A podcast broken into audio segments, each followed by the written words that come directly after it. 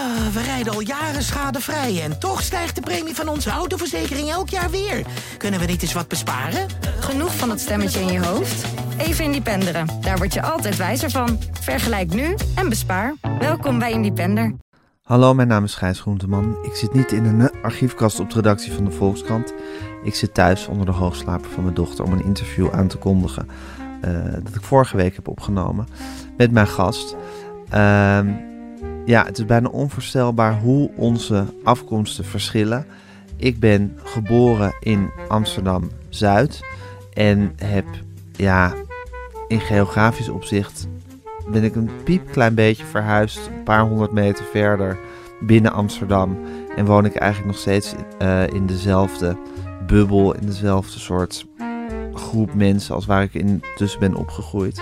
Mijn gast eh, is totaal anders. Die werd geboren in Marokko in 1969. Heeft tot zijn tiende daar gewoond. Kwam naar Nederland, ongeletterd. Ehm, heeft hier de taal moeten leren. Moeten leren lezen en schrijven en rekenen en alles. En heeft daarna een ongelooflijke carrière gemaakt. Begonnen als politieman, daarna als bestuurder. En nu is hij burgemeester van Arnhem. Daar heb ik hem ook geïnterviewd in zijn werkkamer in Arnhem. En eh, eh, ademloos naar zijn levensverhaal geluisterd. Eh, dat kunt u nu ook gaan doen eh, als u luistert naar mijn interview met Ahmed Marcouch. Meneer Marcouch, bedankt dat ik bij u langs mocht komen in Arnhem. Dit is uw.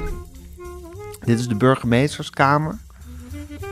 Ja, Dit is, dit is waar, de, waar de bur- burgemeester al jaren en jaren resideert, ook uw voorgangers. Ja, honderden jaren eigenlijk. Eh, dit is, eh, we zitten hier in het eh Duivelshuis. Formeel heet dat het Maarten van Rossum huis. Eh, maar Maarten van Rossum was, was de veldmaarschalk van Gelre. En, ehm, ja, en, dit huis was naar hem vernoemd. Het was zijn huis. Ja. Zo staat het ook formeel bekend. Maar Maarten van Rossum ehm, was ook van de, van de kunst. Dus die heeft hier aan de gevel drie duivels hangen. En eh, door die duivels aan de muur zijn de mensen het, het duivelshuis gaan noemen. Eh, nou zijn er heel veel overleveringen van waarom eh, Maarten van Rossum dat gedaan heeft, Ja. hè, die drie duivels. En een van die overleveringen is dat, ehm, dat hij de kerk, de Eusebiuskerk hier aan de overkant op afstand wilde houden, ook na zijn dood. Ehm, en, ehm, nou ja, en, en, en, dus, en hoe doe je dat? Eh, ja, door de, de duivel hou je God op afstand. En, eh, en eh, dus die duivels. En vervolgens zijn de mensen het ook in de volksmond het duivelshuis gaan, gaan, gaan noemen. Ehm, en zo staat het ook hier bekend. En, en, en nou ja, het verhaal gaat dat de kerk om die reden ook afgezien heeft van enige ambitie om het huis te verkrijgen. Anderen zeggen weer het duivelshuis, het Maarten van Rossumhuis staat. En dat is ook zo, want we, zit, we staan hier of we zitten hier eigenlijk tussen de katholieke kerk en de protestantse kerk, eh, de Eusebius. Mhm. Ehm, en, nou ja, en, en, en, en daartussen zit de duivel. Eh, dus, nou, ja, maar het is, het is op zichzelf ehm, een prachtig, eh, mooi middeleeuws gebouw. Wat gelukkig de Tweede Wereldoorlog, de slag om Arnhem, die hier nabij gewoed heeft, ehm, nou ja, overleefd heeft. Ja. En hoe vaak per week moet u dit verhaal vertellen? Nou, ik, ik Of niet zo vaak? probeer het elke dag te vertellen. Ja. Eh, want dat betekent dat, dat er eh, mensen langskomen die hier nog niet eerder zijn geweest. ja. Of, u bent echt eh, blij als u het mag vertellen, want dan... Ja, want dan vertel ik het verhaal van de stad. Kijk, ik vind dat we dat in Nederland over het algemeen, vind ik, heel goed doen. Er is helaas na de oorlog veel kapot gemaakt, veel gesloopt. Voor een deel door de oorlog, voor Mhm. een deel door de wederopbouw, de woningnood. Het geld misschien wat er niet was, of het inzicht. En ehm, juist als dit soort eh, nou ja, eh, middeleeuws eh, en oud gebouwen uit de oudheid bewaard zijn gebleven, ja, dat zijn, dat zijn stille getuigen. Die, die spreken je aan en die, die dwingen je tot vragen stellen. En dus ook kennis te maken, eh, eh, diepe kennismaking te maken met de stad. Eh, dus dit, dit eh, Duivelshuis vertelt gewoon ook het verhaal van de stad. En net als de brug over de Rijn het verhaal van de, van de slag om Arnhem vertelt. Mensen staan erbij stil, komen daar tot, tot bezinning, stellen vragen, willen weten. En soms is het vaak ook het verhaal van, ehm, van inwoners eh, die in de Tweede Wereldoorlog of bij de Slag om Arnhem ehm, ja, ouders hebben verloren. Of, of eigenlijk van de generatie die destijds nog jong en kind was. Heeft u een sterk gevoel voor omgeving? Voor de, de plek waar u bent en wat daar is gebeurd? Of een soort sfeer die daar hangt? Of, ja, een geschiedenis die daar kleeft. Ja, ik, ik, ik, vind dat, ik vind dat wel belangrijk om, om te weten. Uh, en, uh, en het is altijd fijn als iemand nabij is. die jou dat ook kan vertellen. Ja. Want soms, soms sta je, dat, dat, dat zie ik hier ook bij het Duivelshuis, dat mensen dus staan en kijken en denken: Goh, wat zal dit zijn? heel vaak weten mensen bijvoorbeeld niet dat het gewoon een, een, nou ja, de, de werkkamer is van de burgemeester, dus dat het nog steeds in gebruik is. Uh, maar vinden het gebouw wel fascinerend, want de architectuur is natuurlijk, uh, is dat ook. Ja, houdt u van Arnhem? Uh, zeker. ik, ik, ik vond Arnhem al leuk voordat ik hier kwam, want ik kwam hier als tiener in de regio.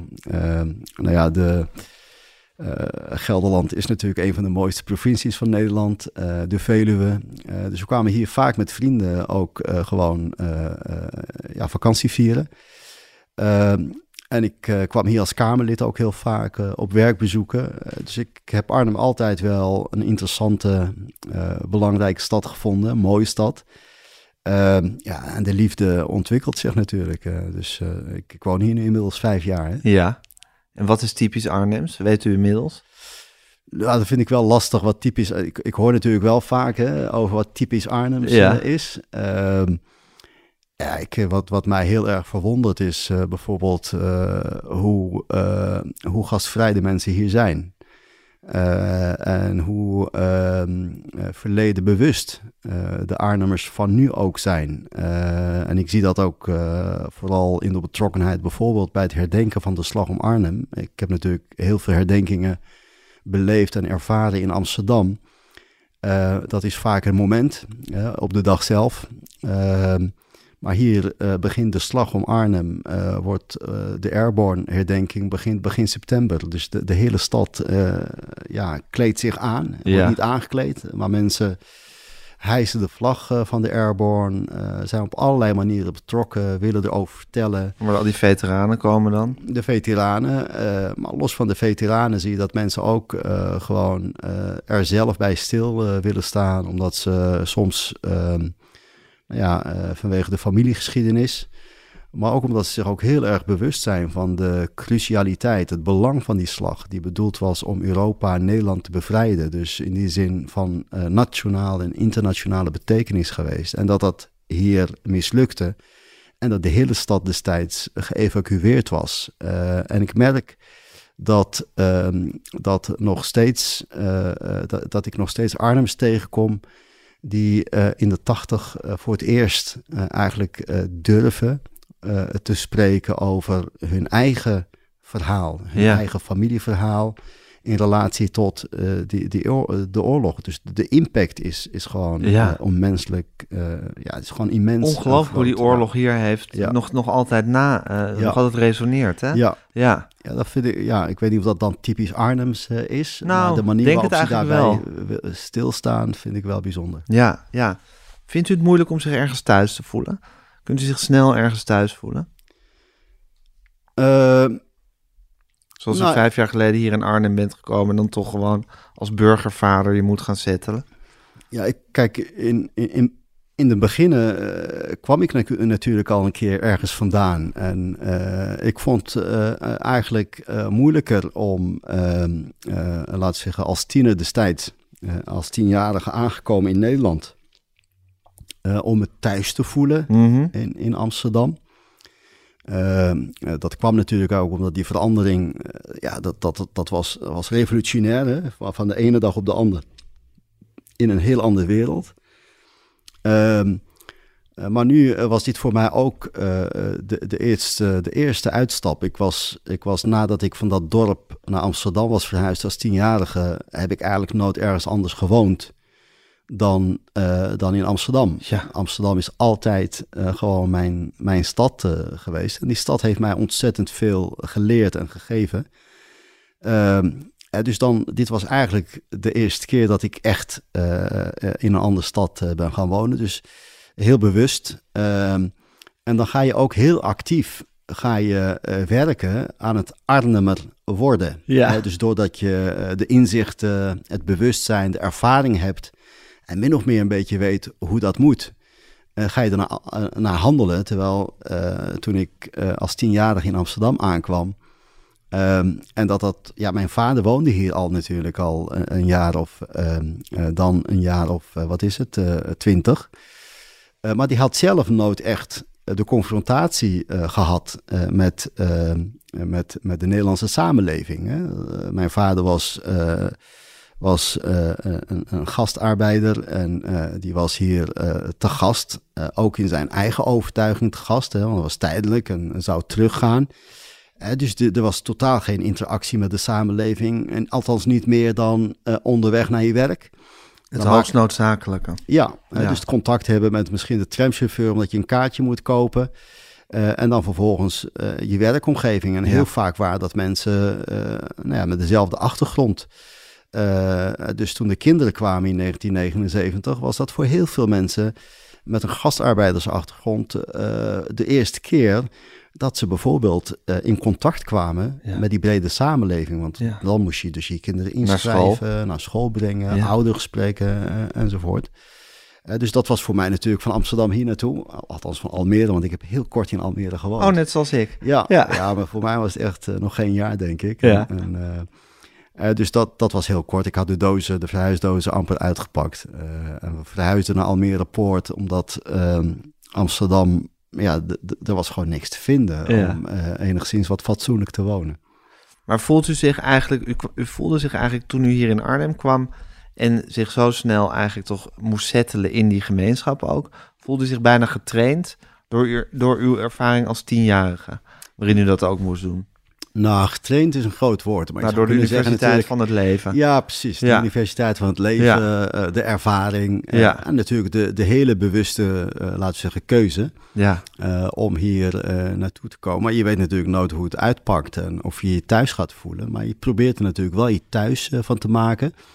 En wat dat dan doet, is dat je toch, eh, eh, toch een beetje, ja, dat je je gaat verdiepen in, in, in de stad. De stad leren kennen. Dus echt op straatniveau bij wijze van spreken.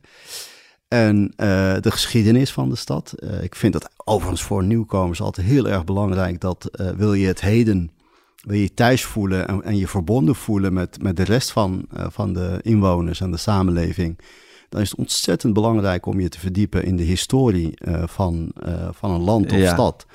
Eh, eh, want dat, dat, door, door dat verleden begrijp je beter waarom mensen doen zoals ze Mhm. doen. Eh, en het is niet een, ik bedoel, het is niet een module, maar het is een voortdurend leerproces waar Ja. ik nog altijd in zit. Dus ik kan me nog elke dag weer verwonderen over de dingen die ik ontdek. ja maar meneer Marcouch, het feit dat u op uw tiende hier in Nederland bent gekomen en daarna toch heel snel de carrière heeft gemaakt u heeft gemaakt en hier nu burgemeester van Arnhem bent geworden en zoveel van de stad weet, dat moet toch ook wel betekenen dat u een ongelooflijke eh, drang heeft en een talent heeft om een land te leren kennen, om je daarin te, te settelen op je eigen manier, zonder jezelf te verliezen, maar om de omgeving te begrijpen, om de taal te leren, om de gebruiken te snappen.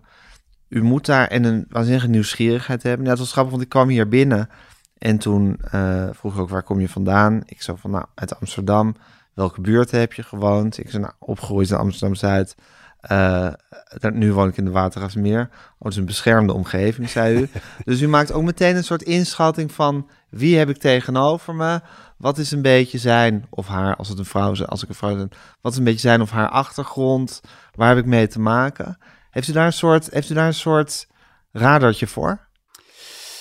Ehm, nou, het, het is gewoon, eh, laten we zeggen, eh, eh, nou ja, in ieder geval oprechte interesse in, in, in, het, in het leren kennen van iemand. Het kwam ook Ja. helemaal niet onoprecht over, hoor. Dus ik, het is ook helemaal niet bedoeld om, want heel vaak denken mensen, vragen aan iemands achtergrond, dat is zo, zo beledigend, want we zijn toch allemaal Nederlands. denk, ja, ik mag toch hopen dat we in dat Nederland zijn toch ook allemaal heel erg divers en verscheiden zijn. Zeker. En ik denk dat het juist heel erg uh, oprecht is om te vragen waar kom je vandaan. En ik ken Amsterdam zo'n beetje en uh, zeker Amsterdam-Oost. ik ben er opgegroeid en tien jaar politieman geweest. In welke straat bent u opgegroeid? we kwamen aan op de Beukenweg, vijf. naast nu een prachtig parkcafé op de hoek Oosterpark. Waar ik soms ook heel graag kom om toch weer ja, toch wat nostalgie. dus wij kwamen daar aan op de derde verdieping. En, en wij hebben daar heel lang gewoond, heel krap. mijn vader vond dat de meest, nou ja, eigenlijk de beste locatie van Amsterdam om te wonen. Dicht bij de Dappermarkt, dicht bij het Oosterpark, dicht bij het ziekenhuis. Dus hij had dat helemaal goed bedacht. Maar ja, de woning was kwalitatief natuurlijk gewoon ontoereikend. Groot gezin. Zeer verwaarloosd. Uh, dus helemaal niet, niet, niet, niet gepast. Maar qua locatie had hij natuurlijk ontzettend gelijk. En daarna ben ik verhuisd naar de Tweede Atjeestraat. in de Indische buurt. en ik ben vervolgens ehm, tien jaar politieman geweest. verbonden aan het wijkteam Baliestraat. Uh, dat heet tegenwoordig volgens mij District Oost, maar toen heette het District 4 uh, in politietermen, waar de Eitunnel en de Linnaeusstraat ook onder viel. Dus het gebied waar jij nu woont, ja. dat was ook mijn werkgebied. Ja, dat kent u ook heel erg goed. Ja. ja. Um, kunt, u zich, kunt u zich herinneren dat u tien jaar oud voor het eerst in dat huis kwam op de Beukenweg? Ja, dat kan ik me zeker herinneren, want het was voor ons echt... Ik kan me zelfs herinneren dat we op een gegeven moment in, in zo'n jaar 60 Mercedes stapten. En daarvoor waren we natuurlijk met mijn vader al van dat dorp waar ik ben geboren naar de stad toe gegaan, waar, we, waar ik nog nooit eerder was geweest, om pasfotootjes te maken voor, de, voor het paspoort. Uh, want je werd toegevoegd aan het paspoort van je vader. Je kreeg ja. niet een eigen paspoort. En vervolgens ja, was er een moment, want dat, dat was allemaal uh, weken werk, uh, dat we in, in een jaar 60 tegenwoordig oldtimer, zou je zeggen, in 1979 de, de Mercedes instapten. En zo'n, nou ja, in kilometers is het zo'n zo'n 130, 200, maar de, de, de, infrastructuur was zo slecht. Ja dat we daar uren over deden om in de stad Oujda uh, aan te komen in het noorden van Marokko. En Oujda was het vliegveld uh, van het noorden. En we stapten het vliegtuig in. Uh, nog nooit een vliegtuig gezien, laat staan ingestapt. En ja, dan vlieg je, wat is het, zo'n drie uur uh, en dan land je op Schiphol. Dus ik heb altijd een beetje vergeleken met... Uh, uh, dus ik kan me die reis herinneren als een soort van in een tijdsmachine stappen van professor Barabbas. Hè, ja. en Wiske. Ja. En je dan, komt in een andere wereld, in een andere tijd In een andere terecht. tijd. Ja. dus, en dat was, het, was, het was een soort van een mix van blijdschap...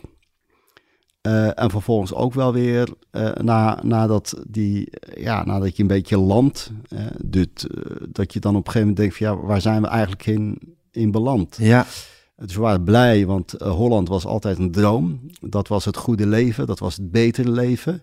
Maar dat, ja, dan... dat, dat wist, want uw vader die woonde daar dus al. Ja. Uw moeder is overleden toen u, toen u, toen u heel jong was. Ja. Um, u werd opgevoed door zijn, door zijn, door zijn, zijn tweede vrouw? Uh, ja, voor een deel. Uh, mijn oma, de moeder van, van, uh, van mijn moeder, ehm, was ook nabij. dus dat was wel de, boezem, de veilige boezem, om het zo maar te zeggen. Ja. de veilige, liefdevolle boezem. Daar heb ik hele warme herinneringen aan. Maar ik kan mijn moeder, want ik moet een jaar of tweeënhalf zijn geweest toen mijn moeder overleed, helemaal niet herinneren. Dus er zijn ook geen foto's van. Uh, er zijn geen foto's van uw moeder? Nee, uh, dus mijn, mijn tweede moeder was in principe de, uh, de vrouw des huizes, dus ook onze moeder. Uh, maar ja, goed, dat, dat is destijds zo rationeel benaderd dat er van enige aandacht voor rouw, verlies ja. en, en, mijn vader die, die, die raakte zijn baan destijds ook kwijt omdat hij wat langer bleef dan zijn vakantie toestond. Ja, hoe dat er aan toe ging, weet ik niet. Ik, ik, dus ik weet niet of mijn vader met zijn werkgever goed had doorgesproken van wat er aan de hand was en wat zijn familieomstandigheden waren. En in hoeverre werkgevers destijds daar oog voor hadden. Of ogen voor ja. hadden. Eh, dus hij moest van alles regelen en hij kon natuurlijk niet, eh, hij kon de kinderen niet zomaar achterlaten. Dus hij hertrouwde, eh, zodat er ook in ieder geval iemand was die voor het gezin kon zorgen, opdat hij weer terug Hoeveel naar kinderen Nederland, waren eh, er? Ehm, nou, we, zijn, eh, we zijn inmiddels eh 16 kinderen en eh, toen waren er eh, negen kinderen. Ah. En een broer van mij is overleden, dus we waren met z'n tienen, dus van mijn biologische moeder. En eh, dus er waren negen kinderen. Ja. Ongelooflijk, hè? Ja. Ja. En zijn jullie met z'n allen naar, naar Nederland eh, verhuisd? Nou, niet tegelijkertijd. Eh, Toen ik kwam, eh, kwam ik met mijn, eh, met mijn broertje en, en zusje. Dus we kwamen met z'n drieën. Eh, een broer van mij, die, eh, ja, die moet een jaar of 15 zijn geweest. eh, die zat op school. Dus mijn vader vond dat hij achter moest blijven om de school af te maken. Mhm. Ehm, en een, een, oude, een oudere zus van mij was daar al getrouwd. en ehm, nou ja, de rest, een, een, van, een, een- van mijn broers is naar Frankrijk afgereisd. is daar in de bouw gaan werken. Dat is de oudste van ons. En een, een andere broer is naar België. Eh, eh, dus dat, dat zijn, laten we zeggen, die zijn ehm, eh, op hun eigen manier zijn ze geëmigreerd. Ja. Een enkele via mijn vader en vervolgens doorgetrokken. Ja. Maar de gezinshereniging als zodanig vond plaats in 1979 eh, met mijn zusje, broertje en ik. Ja. Hey, en meneer Marcouche, u zegt van eigenlijk er werd er niet aandacht besteed aan rouw of aan hoe gaat het nou eigenlijk met je en mis je je moeder wel eens of weet ik veel, dat, soort dingen ja, waar, waar, waar nu toch veel aandacht voor zijn. Voel, voelde u het wel als verdriet, het, eh, het, het, het missen van uw moeder? Eh, later, ik, eh, kijk, je wordt ouder en, en eh, eh, je hoort soms ook mensen om je heen eh, fluisteren. Ja, eh, dat eh, je, bent, eh, ja, je bent ergens gewoon wees, omdat je vader er niet is, omdat hij eh, in Europa zit, in Amsterdam. En, en je hebt daar dus geen vader en geen moeder.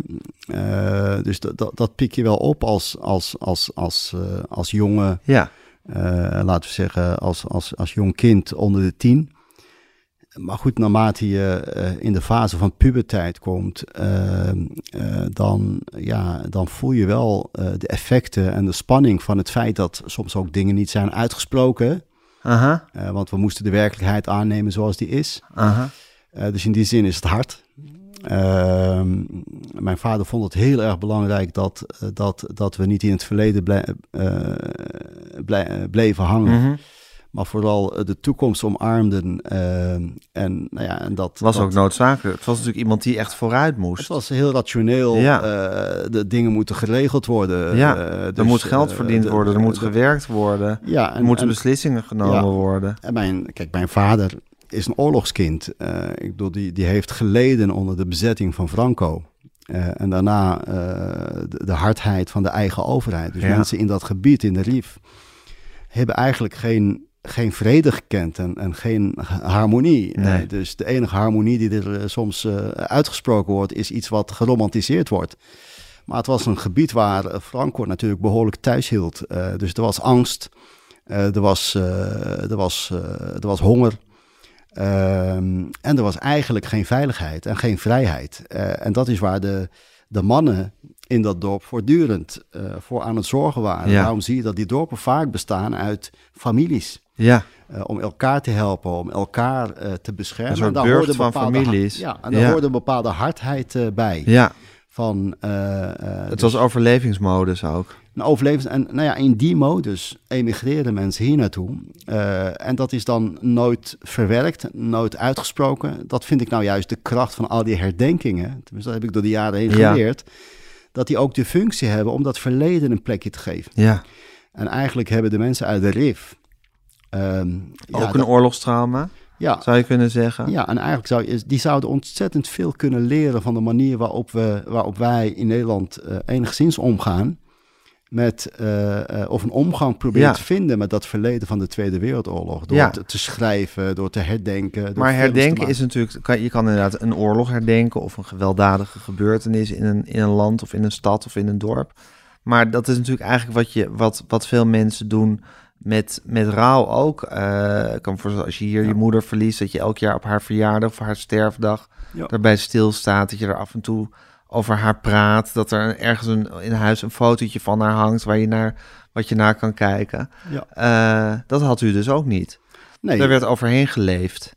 ja, Ja. Dat, dat is... Begrijpelijkerwijs, maar dat is wel hoe het was. eh, nee, zo, zo is het geweest. Ja, Ja.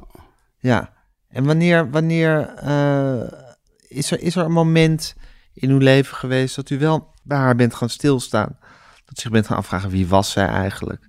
Uit wie kom ik voort? Ehm, Ja, dat is, dat is eigenlijk wel... wat heb ik gemist Ja, doordat zij er niet meer was?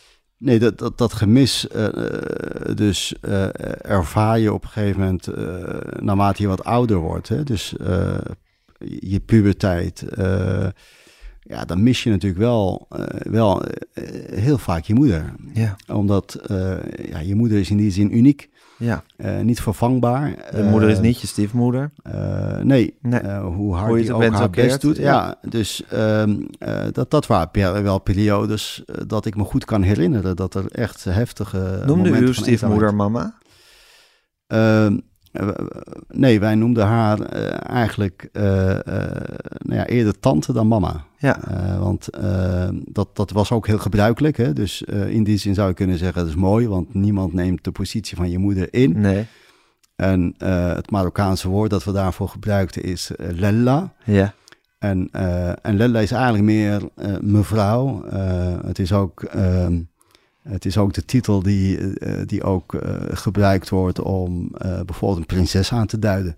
oké. Ehm, eh, dus het is, het is, het is een beetje eerbiedig. het is eerbiedig, Ja. maar je zegt niet moeder. Nee, dus in die zin zou je kunnen zeggen, nou ja, fijn dat die ruimte er wel was. ja. En dus dat, ja. En toen u dan uw moeder, toen u, toen u dat gemis begon te voelen, hoe- ja, hoe, wat deed u daarmee? Ging u dan met uw vader praten over uw moeder? Of met uw broertjes of zusjes? Of was dat iets, iets stils in uzelf?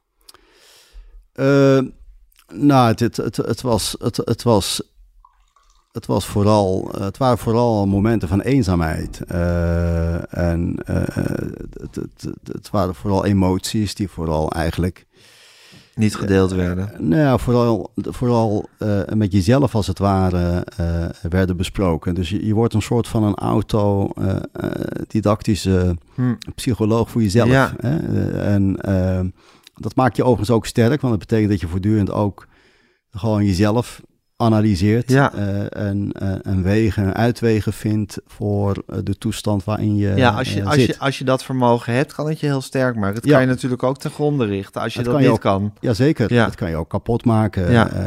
Dus, en ik denk, dat, ik denk dat religie eigenlijk ook wel houvast biedt en heeft Mhm. geboden.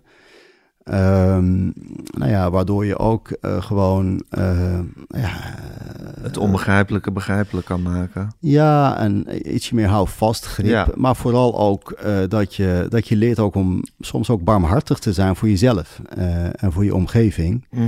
Ehm, nou ja, dat, dat zijn fases waarin je zelf natuurlijk ook ontwikkelt en groeit. En, eh, nou ja, en op een gegeven moment bereik je een leeftijd dat je denkt van ja, maar ik ben nu een volwassen man. Eh, ik kan het verleden niet veranderen, eh, maar ik kan wel iets van de toekomst maken. Dat zijn letterlijk gedachten die u, weet ik veel, op uw zeventiende of zo misschien, of achttiende Ja, heeft gehad. ja, Dat u Ja. zichzelf bijna toe moest spreken van, ik ben Ja. nu hier, dit is er gebeurd. ja. Ik woon hier nu acht jaar of zeven Ja. jaar in dit land. Ja, tot de conclusie Er is komen. eigenlijk niemand die echt, die echt voor me zorgt zoals een moeder voor me zou zorgen. Ik moet het nu, ik zal het nu moeten gaan waarmaken. Nou ja, nee, die, die, die moeder was natuurlijk wel, dat was mijn tweede moeder Ja. wel degelijk. Eh, alleen, ja, je hebt natuurlijk altijd een soort van idee van eh, hoe zou het zijn met, mijn, echte. met mijn Ja. moeder. Eh, dus dat blijft, dat is een gevoel dat, dat als je vastloopt met je omgeving, Ja. dat je denkt van ja, er is nog één iemand die ik niet uitgeprobeerd heb en die is er niet en die heb ik nooit gekend. Hoe zou het dan zijn? Ja. Ehm, eh, dus oké, mijn moeder eh, heeft ook gewoon een hele zwaar leven gehad. Dus ik bedoel, kijk, je moet je voorstellen dat het, eh, dat, dat het leven in dat dorp voor de mannen al heftig was. En dat is eh, anno nu ook nog altijd. Als je ziet wat voor een ellende bijvoorbeeld in, in gebieden waar ja, de beschaving, of waar die beschermende overheid ontbeert, of de overheid misschien zelfs je vijand is, of oorlogen woeden, Mhm. Ja, dan, dan zijn vrouwen meestal ehm, ja, duizend keer meer ehm, ehm, eh, slechter af Ja, dan, dan de mannen. ja, Eh, dus eh, mijn moeder heeft in die tijd geleefd. Dat was een hele heftige periode. En dus wat je dan doet, is dat je op een gegeven moment denkt van ja, ik, je komt dan tot de constatering dat mijn vader gewoon het beste gedaan heeft. Wat hij had kunnen doen, is namelijk de moed hebben om te voet eh, richting eh, Europa eh, te gaan. Ehm, nadat hij Algerije had uitgeprobeerd. dus, en, en daardoor wij een beter perspectief hebben gekregen dan mijn vader. Dus mijn vader verwijten gaan zitten maken, dat, dat, is, dat doe je dan als je nog jonge, als jonge tiener. ja, Ja, dat is helemaal niet, is helemaal niet rechtvaardig. Ik bedoel, er hadden heel veel dingen anders gekund ehm, eh, met de inzichten van, ja, van nu. ja, Ehm, maar ja, ik, ik, ik, ik, ik vind mijn vader een hele moedige man. eh, dat hij de vrijheid eh, heeft gezocht. eh, dat hij daar gepioneerd heeft, lef voor heeft gehad.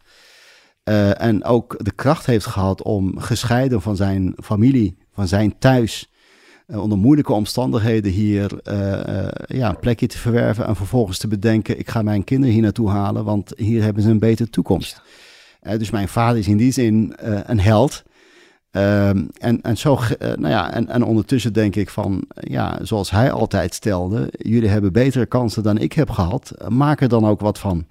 Eh, en die opdracht, die taak, ja, die, die, die voelde ik natuurlijk diep in mijn tenen. En, en het is ook zo, hij heeft daar ook gelijk in. Hier kun je het maken. Maar dat vraagt wel bloed, zweet en tranen en volharding. Eh, om eh, iets van je leven te maken, wat dat ook mogen zijn. Ik Ja. bedoel, eh, het is niet zo dat ik de droom had om burgemeester te worden. Ik wilde politieagent worden. En dat ben ik uiteindelijk geworden door na de eerste afwijzing niet op te geven. En nog een keer te proberen. ja. En dat vergt iets meer bloed, zweet en tranen voor iemand die in Amsterdam-Zuid is opgegroeid. Zoals ik. Ja, wat, wat, wat natuurlijk ook gewoon een zegen is. Hè? Want Zeker. Ik, ik vind niet dat iedereen Nee, per se met bloed, zweet en Nee, tranen... nee, nee, nee, nee. En ik heb Eh, ook heus wel een paar bloed, zweet en tranen moeten verspillen. zeggen, zo heeft Ja. iedereen zijn strijd. Zeker, iedereen heeft zijn strijd. Zeker, absoluut. Ja. Eh, maar het is inderdaad, als je, als je van een ander land komt, eh, ja, kost, u- het, kost het je gewoon meer tijd en energie om jezelf ook- uit te vinden. U zei dat u ook tegen uzelf zei, ik moet barmhartig zijn voor mezelf. Wanneer, wa- wat waren momenten dat u barmhartig moest zijn voor uzelf? Oh, dat zijn heel veel momenten eh, geweest. Ja, je moet je voorstellen dat je, je komt eh, op je tiende. Ik was ontzettend eh, ambitieus. Ik, ik, ik wilde naar school, in het dorp al. En dat kon niet door allerlei omstandigheden. Toen ik hier kwam, mocht ik naar school. En, ehm, en gewoon heel warm ook ontvangen door, door de juffen en meesters die mij... Welke school zat u? Op de vierde Montessori. Eh, ik dacht de tweede Boerhavenstraat, in ieder geval één van, één van de Boerhavenstraat. Ehm, vierde Montessori. Tegenwoordig eh, staat de school aan de Weesperzijde. Eh maar dat schoolgebouw staat er nog steeds. Dus als ik in Oost ben, dan loop ik er ook altijd even langs om te kijken ook naar, dan had je zo'n, zo aan de muur, zo'n, zo'n schoorsteen, zeg maar, waar de, waar de kachel ook dus naar buiten toe Ja. ehm, eh, kon ontluchten. Daar stonden we als dus buiten speelden. eh, nou ja, ik had natuurlijk hartstikke koud. eh, ik, ik kom uit een warm land. Ja. Eh, en dan, dus het was altijd een, een fijn gevoel om daar te zijn en die school binnen te lopen. Ehm, nou ja, dan kom je en dan word je echt liefdevol en, en ja, vind ik ook barmhartig ontvangen. Dus er stonden geen mensen te zeggen, goh, wat komt dat vreemd kind hier doen? Nee. Of tien jaar en heeft nog nooit een pen vastgehouden. Waar moeten we ermee? ja, en Ja. waar moet je beginnen? Eh, ja, dus dat, dat, eh, dat, dat, dat, zijn, ja, dat zijn momenten dan dat je denkt, van, goh, eh, het, wordt niks met mij. Eh, dus eh, een technische school, ehm, nou ja, eh, eh, tegenwoordig zou je zeggen LWOO en dan eh, eh, toen LTS Ja. B, eh, VMBO eh, basis tegenwoordig, VMBO kader. En dan die grote droom hebben om, eh, want dat was natuurlijk nog steeds de droom van mijn vader, om het hier te maken Het en te maken. terug te gaan. Ja, precies. Dus u, u, u kwam hier op tienjarige leeftijd. Nou, u had natuurlijk een waanzinnige intelligentie, want dat kan niet anders als u, als, als u het leven en de carrière heeft gemaakt die u heeft gemaakt. Maar dan voel je natuurlijk als tienjarige, en zeker als je intelligent bent, van eigenlijk heb ik de capaciteit, maar je loopt natuurlijk de hele tijd een beetje tegen die achterstand aan. Ja. Dat je pas op je tiende eigenlijk bent begonnen met Nederlands leren, met leren schrijven, leren lezen, leren rekenen enzovoort. Dus dan loop je het achter die achterstand aan, dan word je natuurlijk knettergek van af en toe. En dan moet je ook barmhartig zijn voor jezelf en denken van oké, eh, ik, ik loop eigenlijk achter op waar ik eigenlijk zou kunnen zijn met de hersens die ik in mijn hoofd heb.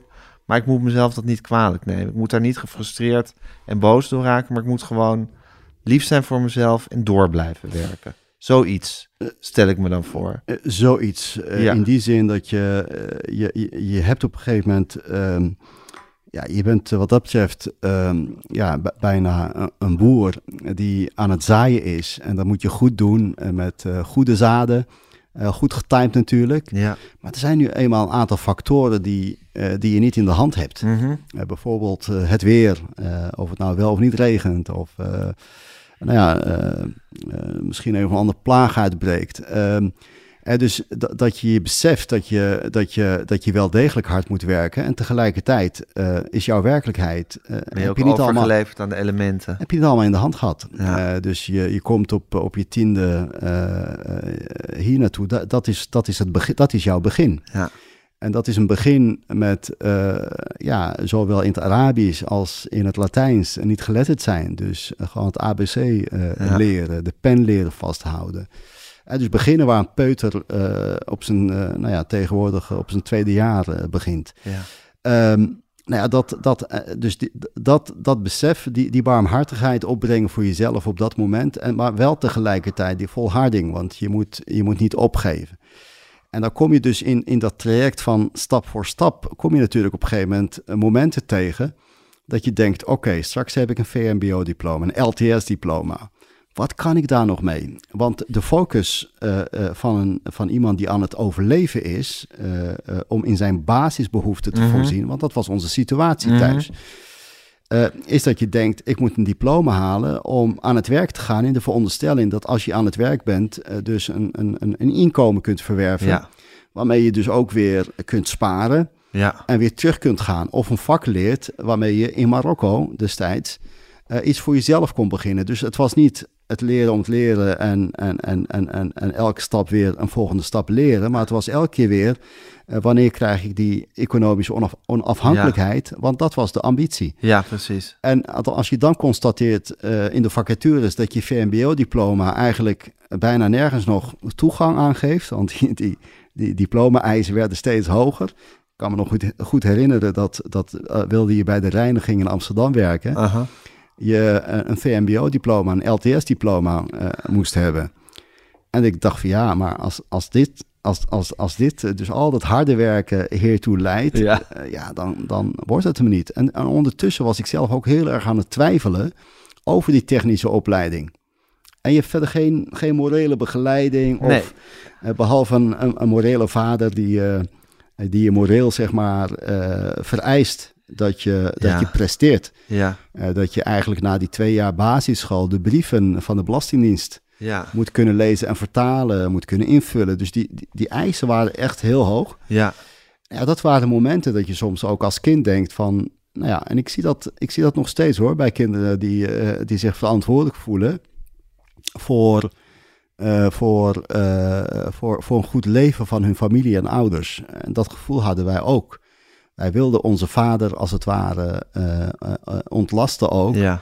van, van, van die verantwoordelijkheid van de basisvoorzieningen die nodig zijn voor het leven. Geen Ja. zorgen hebben over de huur, over Precies. elektra, op vakantie kunnen gaan naar familie.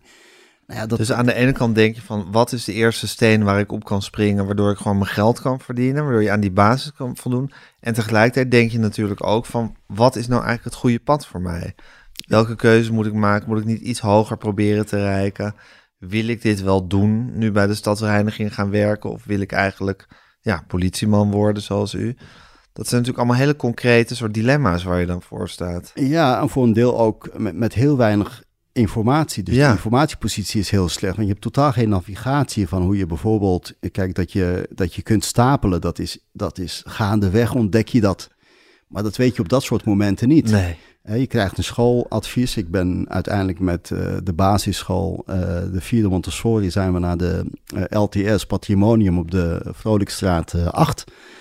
Eh, daar staat nu tegenwoordig volgens mij een groot lyceum in dat gebouw. Nou ja, dat was de eerste, laat zeggen, open dag die we bezochten. En Ja. ik dacht van, wauw, dat vind ik leuk, dat, dat, dat lijstje in elkaar zetten van hout. Ik wil timmerman worden. Eh, maar voor de rest wat daarna kon, ik weet nog dat ik naar de MTS wilde toen ik eh, mijn, eh, mijn LTS C-niveau, eh FVMBOK, dat zouden vandaag de dag zeggen. Toen ik, dat, ehm, toen ik mijn diploma haalde, ehm, behaalde en zei de directeur van ja, nou ja, nu gaan we naar een leerwerktraject. Terwijl ik zoiets had van dat, dat is afdingen op mijn vermogen om te leren. Ik ben nog niet uitgeleerd. Ik wil niet nu al ergens op een bouwplaats werken. Nee. Ik wil nog meer leren, dus eh, ik wil naar de MTS. Ja. Ehm, nou, dat, dat doe je dan allemaal als kind van 15, 16 jaar. Dat Ongelooflijk, eentje. Zonder dat je dat overlegt thuis. Zonder dat je met je vader naar in folders zit te kijken van... zullen we deze school doen of zullen we deze school doen? Nee, mijn vader had dat, dat, dat, inzicht eh, van, Nee. niet. Nee. Ehm, en dus eh, wel het inzicht van, nou ja, een- een vak leren doe je, eh, ik bedoel, daar had hij op zichzelf ook gelijk in, hè, doe je op de werkvloer. Maar de vraag is natuurlijk, eh, doe je dat met een LTS of doe je dat met een MTS of een HTS?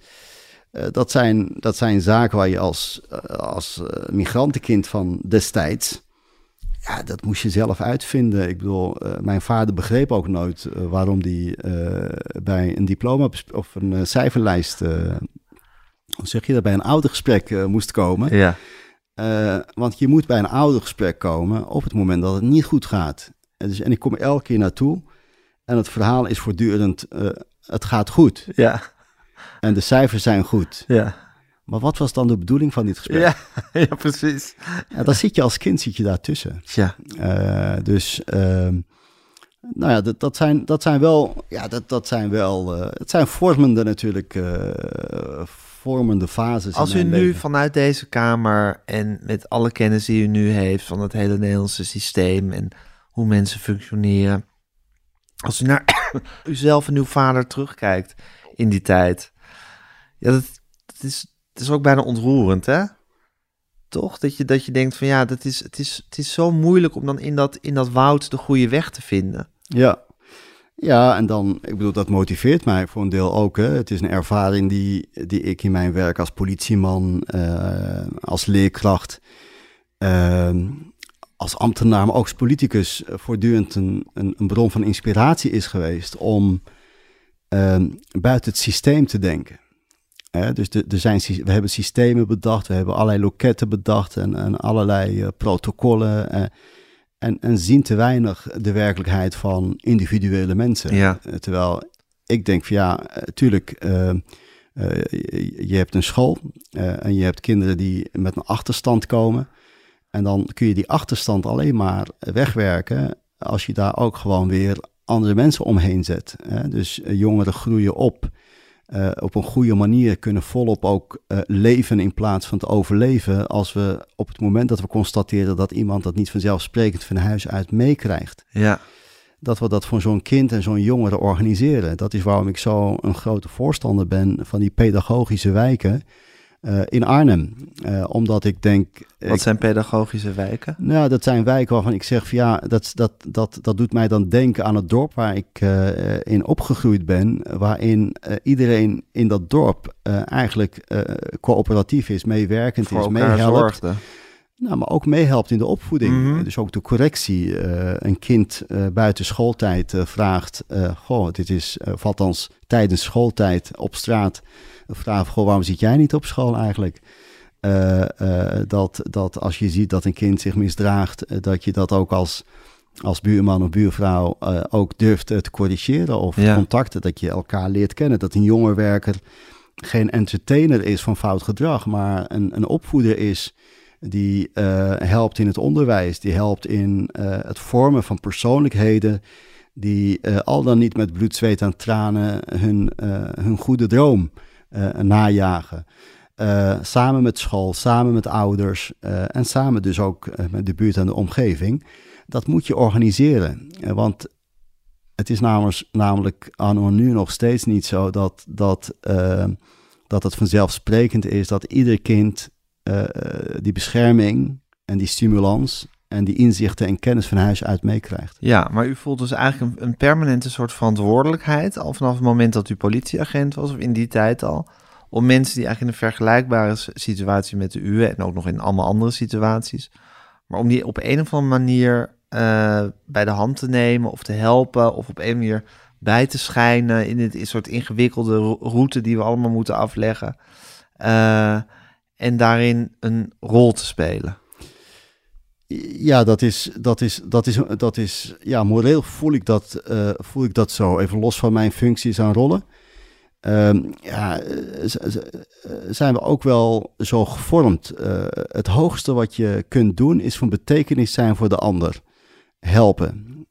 Dus het overkomt mij wel eens dat ik onderweg naar het stadhuis iemand tegenkom die hulp nodig heeft.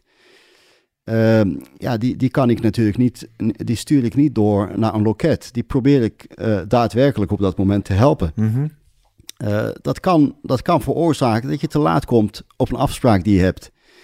En dan heb ik dat liever dan dat ik iemand uh, op dat moment niet een niet beetje ja. heb kunnen. Al is het maar om het verhaal aan te horen. Ja. Um, ja, dat heb ik als politieagent ook heel vaak gezien en gedaan. dat mensen aan de balie komen, niet zozeer voor een strafrechtelijk iets. niet zozeer voor iets waar wij politieagenten voor waren. Zoals veel collega's zouden zeggen: ja, meneer, u moet hier niet voor bij de politie zijn. Maar ik dacht, ja, de man heeft zorgen over de brief, de blauwe envelop kan het niet lezen. Ja. Uh, het kost mij vijf minuten om die brief te lezen en de man uit te leggen dat hij, dat hij niet hoeft vrezen in dat geval. Hè? Mm -hmm. Dan ben je een, een, een, goed nieuwsbrenger van u krijgt geld terug. En dan gaat iemand binnen vijf minuten, is iemand eigenlijk ontspannen en, en uitgerust. Ja. Uh, dus dat je even iemand hoort en dat je kijkt of je kunt helpen. Uh, dat, is, ja, dat is onbeschrijfelijk uh, groot en waardevol. En ik, ik hoop, uh, en dat is eigenlijk de samenleving die we zouden moeten zijn. Dat, dat we niet alleen een systeem of uit systemen bestaan. Dat we er als individuen en als mensen ook zijn. En andere mensen ook zien als mensen op het moment dat ze in de war zijn of, of zorg hebben. Om te kijken wat jij kunt doen. net zoals het oprapen van afval. jij loopt er tegenaan. Ja en, en oppakken en in een, in een vuilnisbak gooien, betekent dat de mensen die naar jou komen, uh, in ieder geval ontlast zijn en die hinder niet zullen hebben of die ergernis niet uh, zullen hoeven hebben. En gelukkig hebben we heel veel van die mensen in de samenleving, maar het mag wat mij betreft wel meer. Maar bent u niet een soort hopeloze optimist, meneer Marcouch? Ehm, nee, want dat, kijk, het, is, ehm, het gaat ook over jezelf. Uh, het, het, gaat over wat jij doet en wat jij bijdraagt. Mm -hmm. Dus ik mhm. heb niet de illusie dat, dat, dat iedereen dat maar. Maar nee, je, je hoopt het bij, begin, bij jezelf beginnen. Ja, het is, het is wat, wat kan ik doen en welke mogelijkheden heb ik en, en hoe kan ik dan vanuit de mogelijkheid die ik heb van betekenis zijn voor de ander. En soms is het inderdaad eventjes iemand, iemand aanhoren. soms is het inderdaad een dergelijke hindernis. Ehm, letterlijk of figuurlijk wegnemen. Wegnemen. Ja. Uh, en nou ja, het, het, gaat uiteindelijk om hoe je zelf in het leven wil staan. En als je de mogelijkheden hebt, nou ja, nog meer. Hè? dus en, en, voor een deel, ik bedoel, er zijn heel veel mensen die tegen mij zeiden van... joh, waarom moest jij nou uitgerekend um, op, die, op die boot op de Gay, gay Pride staan? Dat hadden toch ieder ander kunnen doen? Maar ja, ik, ik merkte in Amsterdam zoveel geweld, zoveel angst, zoveel zorgen bij de homogemeenschap, zoveel polarisatie ook in die stad. En het uitblijven van antwoord. En ik ben er.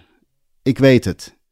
Uh, en ik weet dat je er iets aan kunt doen ja. en dat je het ook kunt doen. Dan voel ik dus ook de morele plicht ook om het te doen.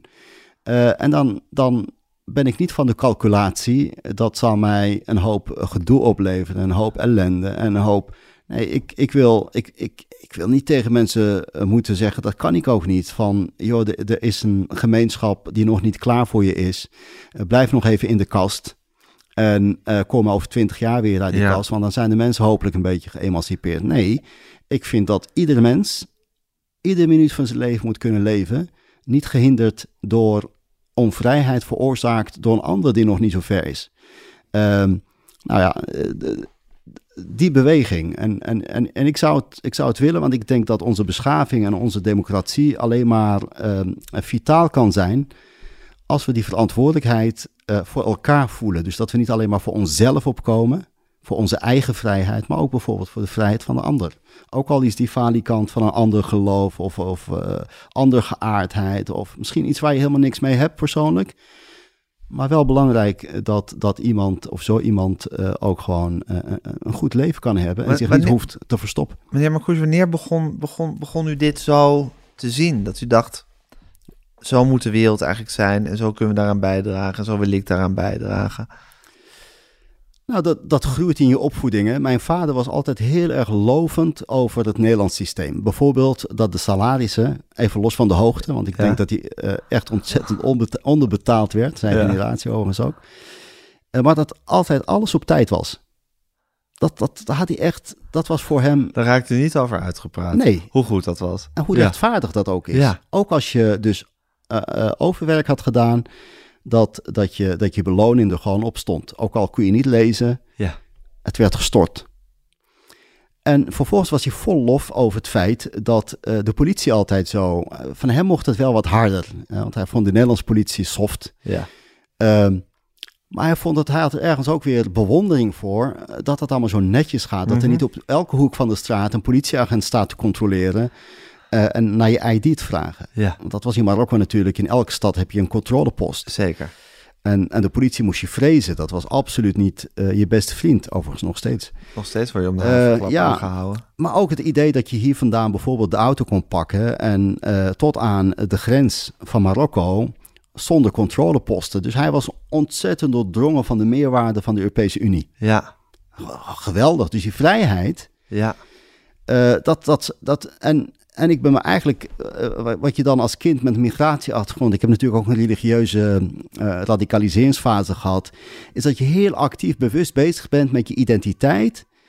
En met eh, van, van welke nationaliteit ben ik eigenlijk. hè? Mhm. En, en uiteindelijk ontwikkelt dat zich tot, tot, ja, tot liefde voor Nederland. Tot intens diep voelen van je Nederlanderschap.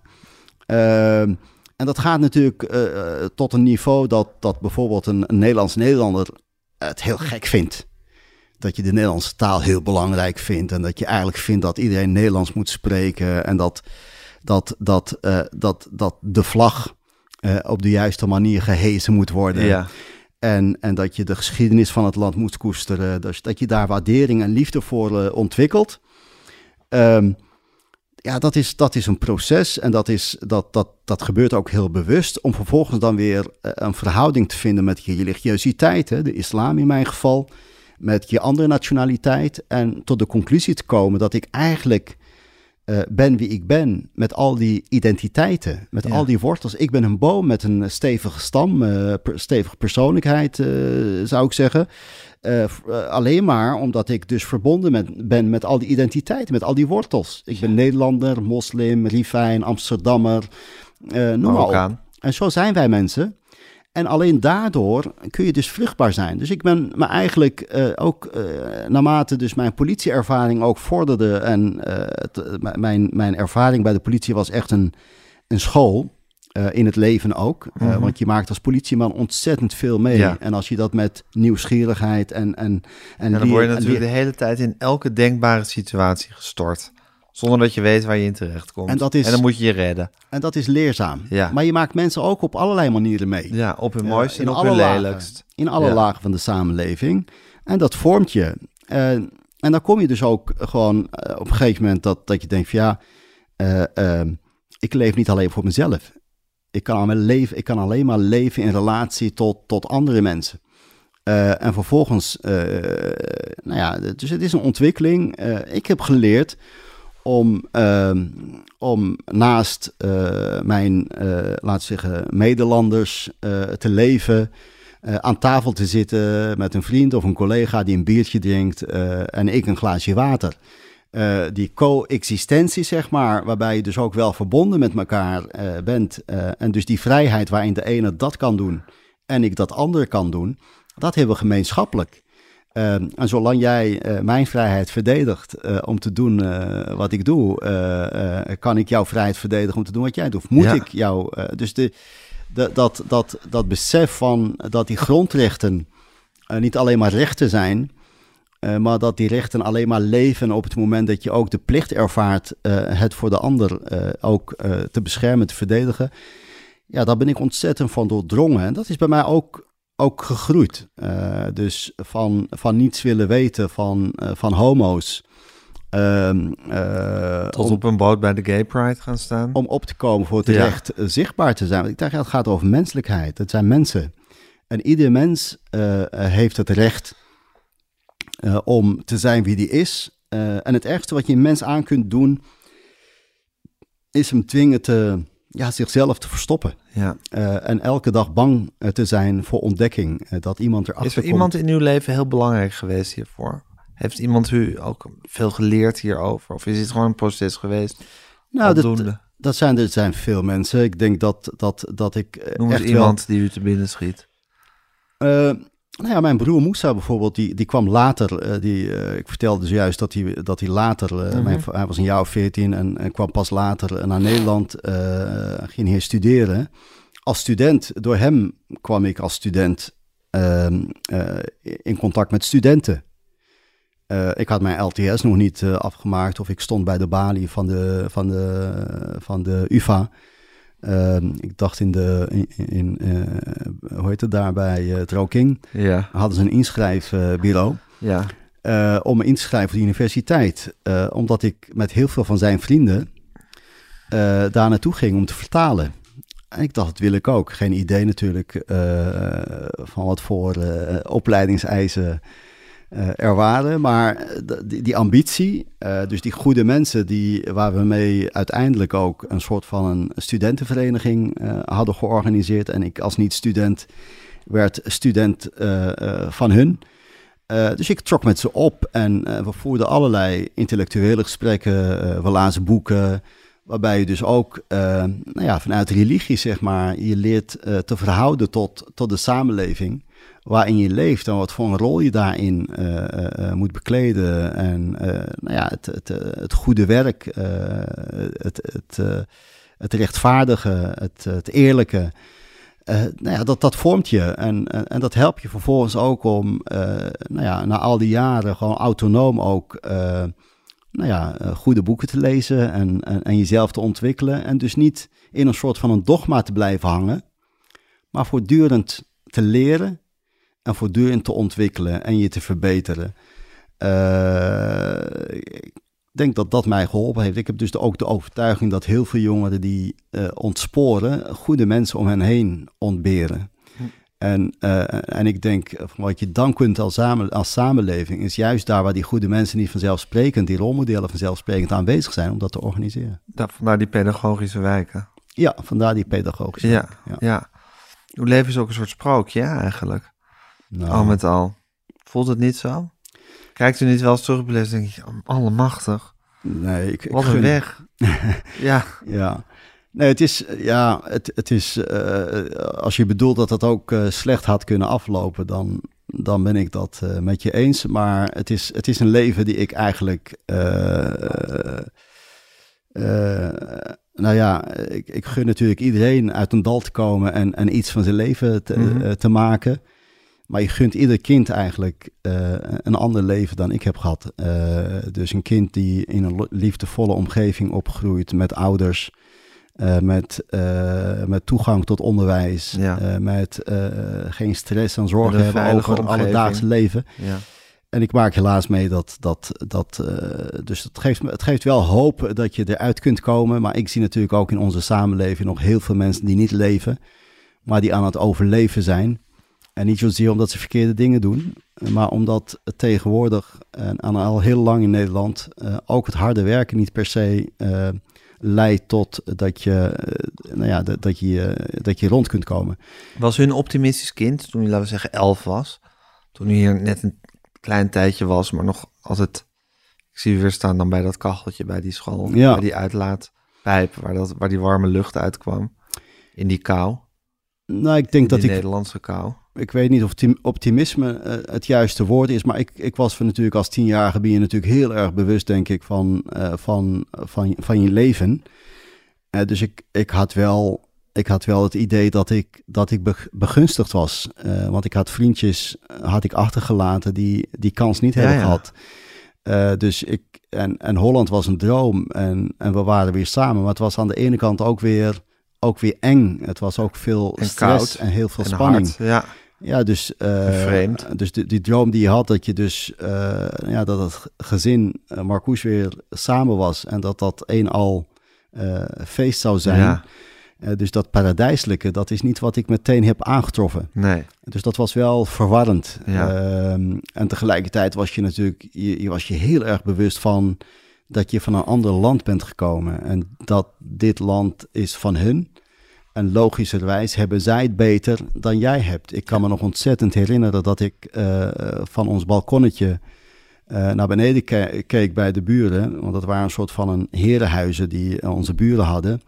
En die zaten natuurlijk vaak bij mooi weer aan een hele mooie theetafel met een porseleinen theepot, porseleinen kopjes met verse aardbeien.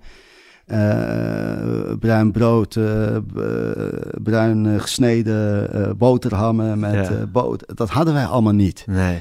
En dus dat, ja, en ergens vond je, vond je troost in het feit dat jij, jij bent van, van ergens anders vandaan gekomen.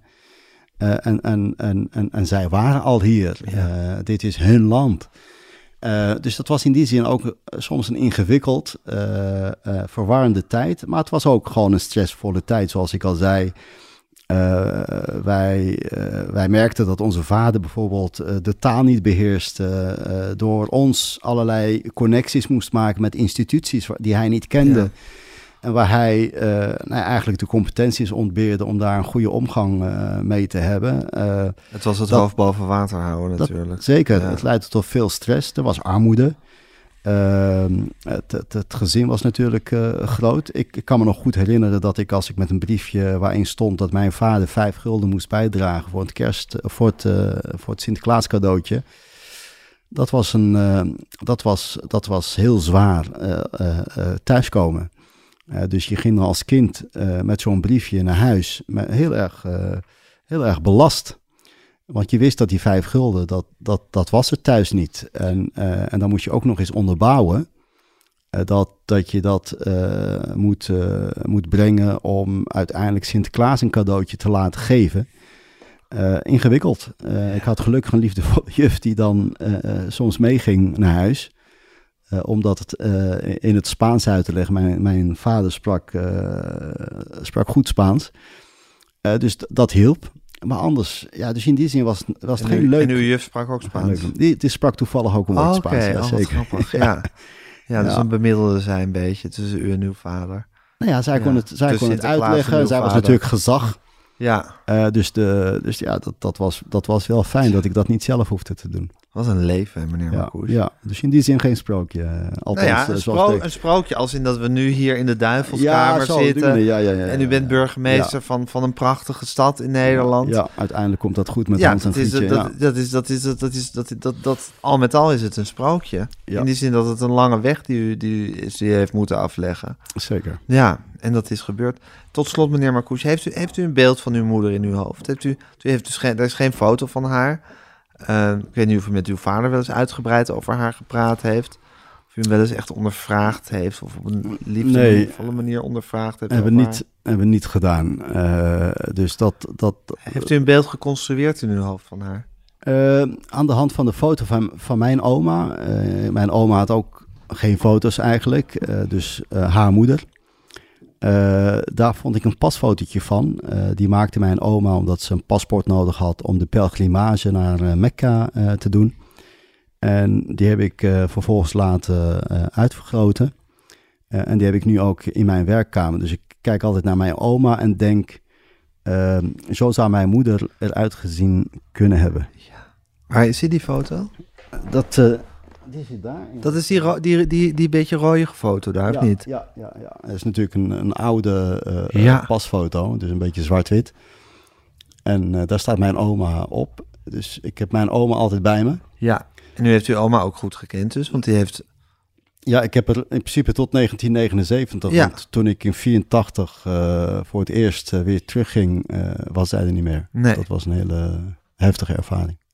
Want dat wist u niet dat zij dood zou zijn. Ik wist het wel, maar je, als, je, als, je, als je voor het eerst ergens terugkomt, dan heb je eigenlijk nog eh, de Het foto van toen. Ja. de foto van toen. Eh, En dan kom je en dan is, Is ineens alles anders. Dus het voelt dan niet als thuiskomen. Het is gewoon een heel vreemd eh, gevoel heb je dan. En dan heb je eigenlijk geen thuis meer op dat moment. Nee, Want voelt- Nederland blijft natuurlijk toch altijd een, een plek die je moet veroveren. Ja, Niet per se thuis. En dan het gevoel wat je nog had van... daar heb ik de eerste tien jaar van mijn leven. Daar was het warm. Ja. En ineens is dat helemaal anders geworden. ja, je voelt eh, een gigantische leegte. Want ergens kom je ook thuis en je wil je oma natuurlijk vertellen wat er eh, van je geworden is. Ja. Eh, en, en, en hoe het is om daar te zijn. En nee, dat, dat, dat, is, dat is een afgrijzelijke leegte die je dan Ja. ervaart. Een kinderleven. Ja. Ja. Maar goed, zo, denkt, zo kijkt u dus naar die foto. En dan denkt u aan uw oma. En denkt u ook van... Nou, mijn moeder zou dan ook ongeveer zo zijn geweest. En geeft dat een warm gevoel? Jazeker. En eh, ik, kijk, ik, eh, ik heb natuurlijk ook een beeld van mijn moeder als een. eh, mijn moeder is, heb ik me veel later gerealiseerd, op 36-jarige leeftijd overleden. En eh, dus heel jong. eh, en eigenlijk ook heel jong. eh, ja, tien kinderen, dat is, dat is nogal wat. Ja. Maar als ik de verhalen hoor over, nou ja, dat was een vrouw met pit, stond, laten we zeggen, vandaag de dag zouden we zeggen, van, nou, een pittige tante Ja. die, die voor haar zaak en, en kinderen stond. Dus de, ze is uiteindelijk het huis van mijn opa uitgezet, de vader van mijn eh, vader, eh, omdat ze hem van repliek eh, diende. Echt waar? Ja, en dus het was in die zin, eh, ja, moest eh, mondig zijn en groot gevoel eh, hebben voor rechtvaardigheid en niet tegen onrecht kunnen. Ja. En dan met dat soort risico's, eh, nou ja, standpunten innemen. Nou, dat vind ik toch wel, eh, ja, ik, ja, dat vind ik wel een mooi beeld eh, van mijn moeder. Ja. U zei net voordat we hier binnenkwamen, of nee, we waren al binnen, maar voordat we gingen opnemen, zo hadden we het over mensen die u een streek leverden. En toen zei van nou, eh, in het werk vind ik wel dat mensen een tweede kans verdienen. Maar als mensen mij in het persoonlijk leven echt laten zitten of iets naars doen, dan ben ik in principe vrij genadeloos. Want eh, dan moet ik door en ik moet mijn tijd alleen maar besteden. Ik wil mijn tijd besteden met mensen op wie ik kan vertrouwen of die ik lief heb.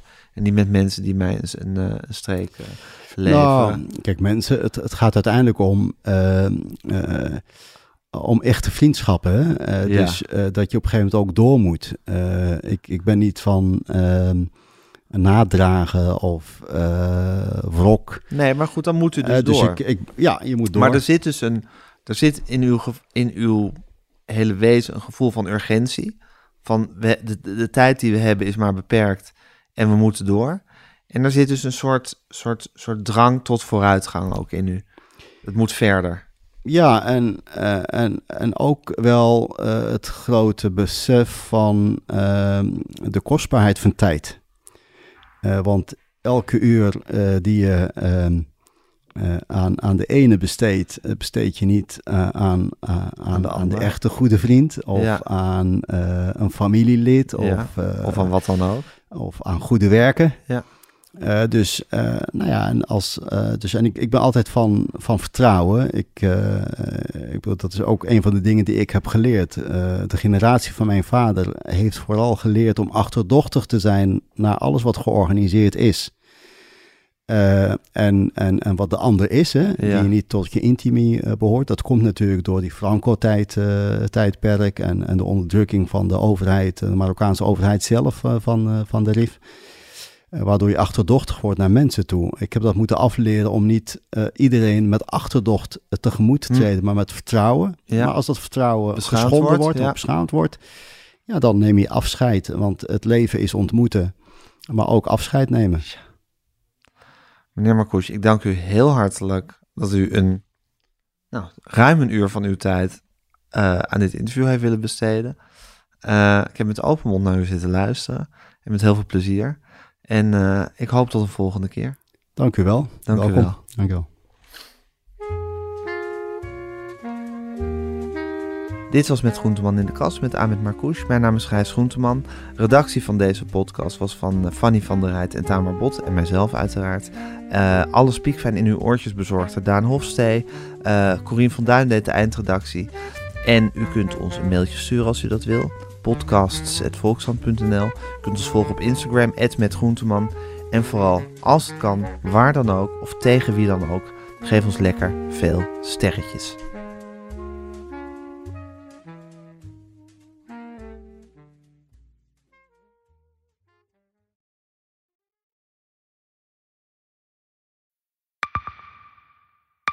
Zijn leven is overhoop gegooid.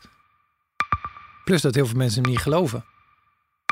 Vrienden niet, die, die denken, ja, hij is gewoon gek geworden. Hoe naar moet dat zijn? Als je vertelt over de meest indringende ervaringen uit jouw leven en niemand gelooft dat je het echt hebt meegemaakt.